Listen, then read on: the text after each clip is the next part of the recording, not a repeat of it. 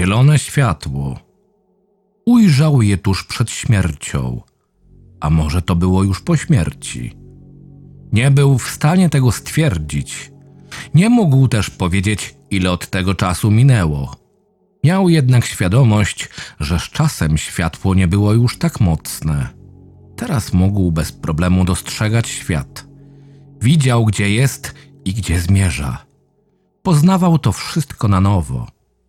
Poznawał to na tyle, na ile pozwalało mu jego ciało. Nie był już jego władcą. Nie wychodźcie po zmroku sami, jeśli nie macie takiej potrzeby. Tak głosiła jedna z zasad. Jedyna, której nigdy nie miał zamiaru złamać. Przez chwilę chciał roześmiać się na cały głos ustami, które nie były już jego.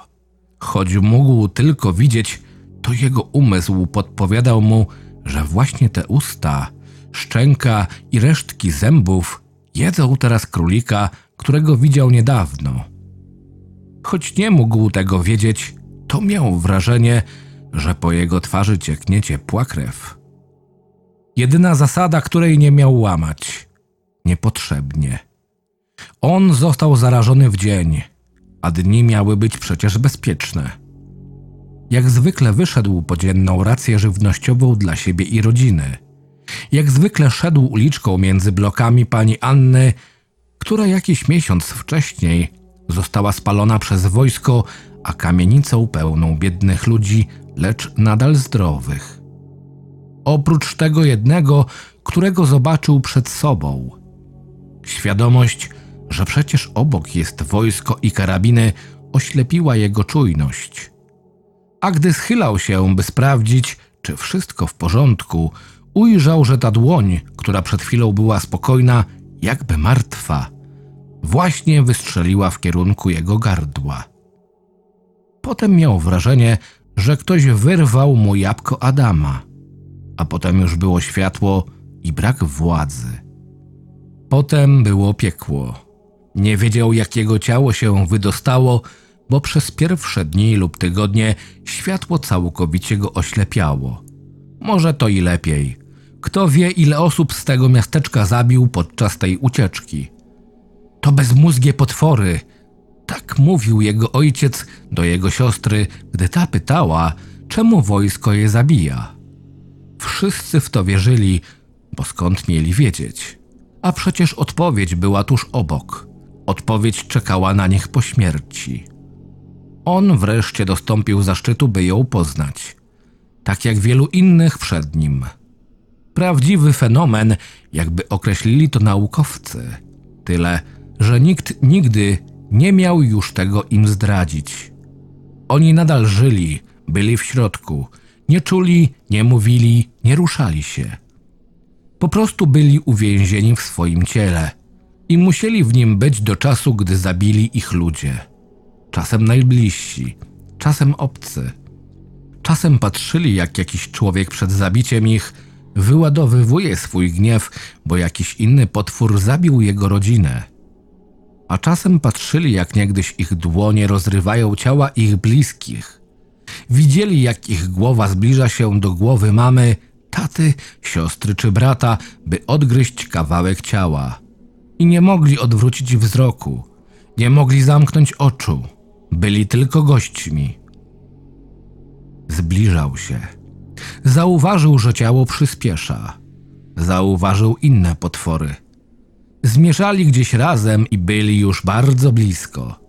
Te wszystkie potwory z człowiekiem w środku. Chciałby z nimi się jakoś porozumieć, ale nie mógł.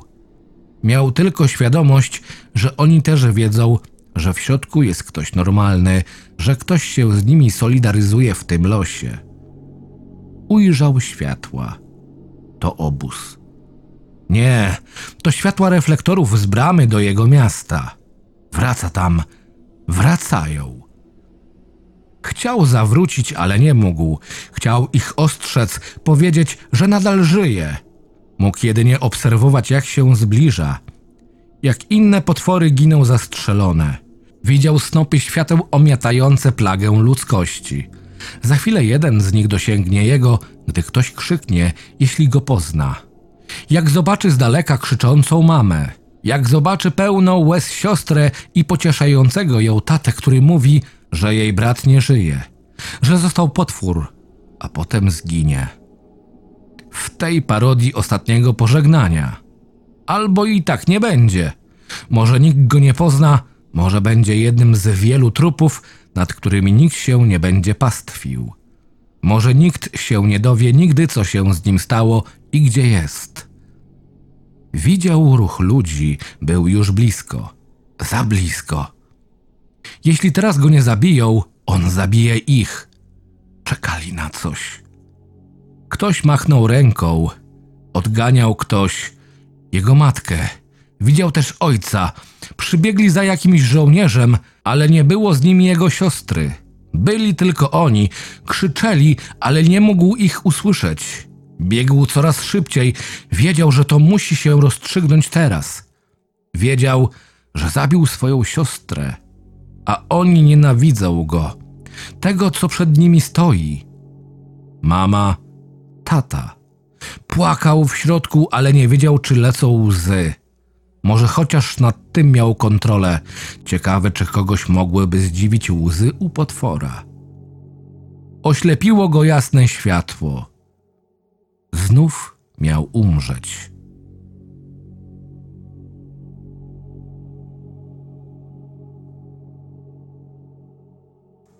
Scenariusz Orzeszek. Czytał Krystian Kieś. Zapraszam do subskrypcji mojego kanału.